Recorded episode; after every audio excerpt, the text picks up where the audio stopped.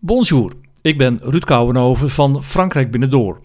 En in deze podcast neem ik je mee naar de Côte d'Azur en om precies te zijn naar Saint-Tropez. Luister je mee? Niet zo gek lang geleden was ik in Saint-Tropez aan de Côte d'Azur.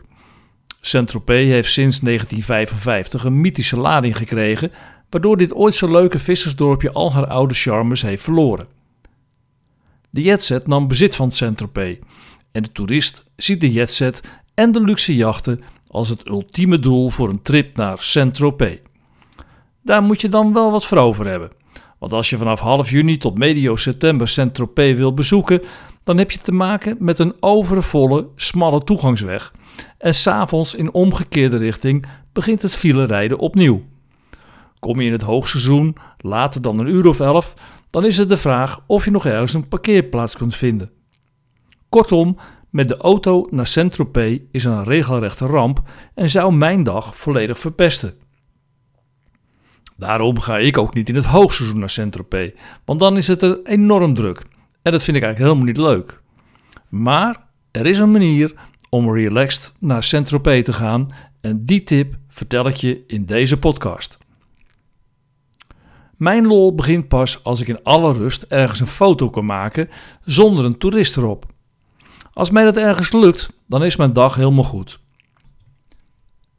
Op de foto in het bijbehorende blog kun je zien dat ik deze in Saint-Tropez maakte en mijn dag inderdaad niet meer kapot kon. Oké, het had misschien iets beter gekund, maar dit straatje in Saint-Tropez is normaal helemaal gevuld met toeristen. En deze dag moest ik een paar minuten wachten tot Poes op het juiste moment wegliep en er niemand het beeld verstoorde.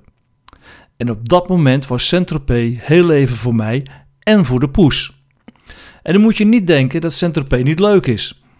Het tegendeel is waar. Alleen in het hoogseizoen is het heel erg druk.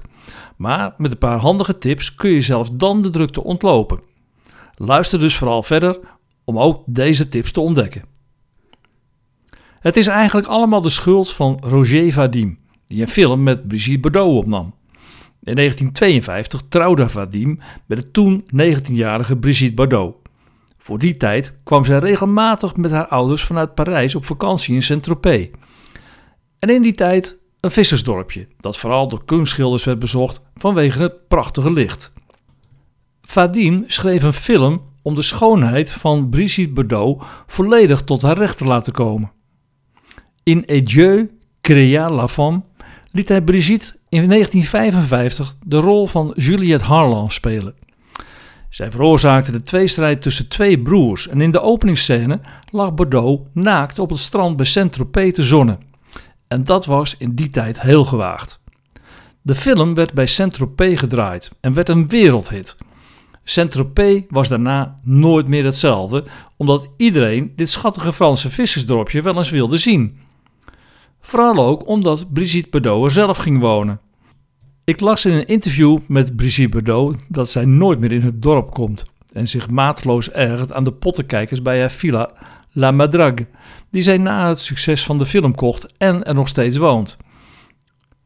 Boekjes en toeristische verhalen waarin staat dat zij bijvoorbeeld restaurant, café, brasserie, Huppel de Pub in Saint-Tropez bezoekt, zijn gewoon niet waar, want zij vertelde dus dat zij nooit meer in het dorp komt. Nee, zij houdt zich nu liever bezig met het welzijn van de dieren via haar Fondation Brigitte Bardot. Oké, maar ik dwaal een beetje af. Want wat moet je zeker doen in Saint-Tropez? Laat allereerst de auto in Saint-Maxime op de parkering bij de haven achter. Je kunt dan twee dingen doen. Pak de bateau vert, de groene ferry, die een paar keer per uur naar Saint-Tropez heen en weer vaart.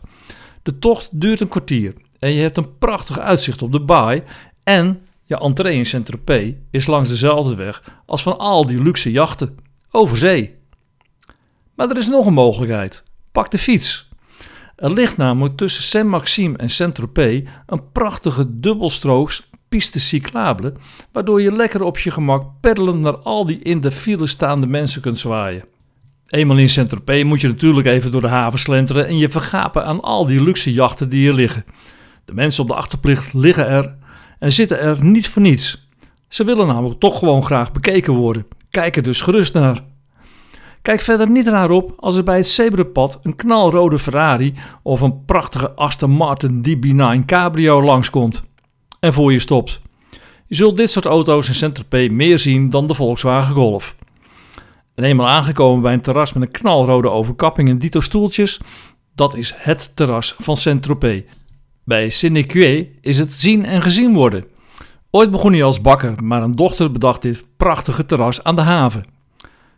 Wil je er meedoen en de hoofdprijs betalen? Of wil je het gewoon eens meemaken? Ga dan zoveel mogelijk vooraan zitten, bestel wat te drinken en of te eten en doe net alsof je niet schrikt van de rekening. Maar geniet vooral van alles wat er om je heen gebeurt. Ga daarna of meteen naar het Office du Toerisme om de hoek en haal een plattegrond. Overal in Frankrijk krijg je een plantenviel gratis, maar in Saint-Tropez betaal je een paar euro voor. Maar daarvoor krijg je wel een handige kaart vol handige informatie. De looproute op de kaart is handig beschreven en met rood aangegeven. Ga dan direct door het poortje naast het Office du Toerisme waar elke dag vismarkt is. Volg daarna de route op de kaart en je mist niets in Saint-Tropez. Of toch? Hier zijn nog wat tips om meer uit je bezoek aan Saint-Tropez te halen. Zodra je het rondje van het Plan de Ville hebt gelopen, moet je gewoon je eigen gang gaan. Slenter door smalle straatjes en je ontdekt leuke plekjes en verrassende pleintjes. En sta ook niet verbaasd te kijken als je door een poortje gaat en je komt op een klein strandje uit. Neem er de tijd voor, want hier leer je pas het echte Saint-Tropez kennen. Je kunt bij Saint-Tropez ook prachtig wandelen over het Sentier Littoral. Je komt dan bij mooie stranden, maar kunt vooral ook genieten van de schitterende natuur en de uitzicht op de baai. En heb je tijd? Ga dan vooral even naar het vlakbij gelegen Ramatuel, dat op een heuvel ligt. Vlakbij heb je de resten van de molens van Paya, met een formidabel uitzicht op de omgeving. Wil jij ook naar Saint-Tropez? Kijk dan ook naar het bijbehorende blog met handige tips voor hotels, campings, vakantiehuizen en nog veel meer tips over Frankrijk en deze omgeving. Je vindt ze op frankrijkbinnendoor.nl slash cent-tropez. Oh ja, vond je deze podcast leuk? Luister dan ook naar mijn andere podcasts in Apple Podcast en Stitcher. En abonneer je op Frankrijk Binnendoor online. Je bent dan altijd als eerste op de hoogte van de nieuwe podcast. En je kunt natuurlijk ook altijd even kijken op frankrijkbinnendoor.nl slash podcasts. Tot mijn volgende podcast.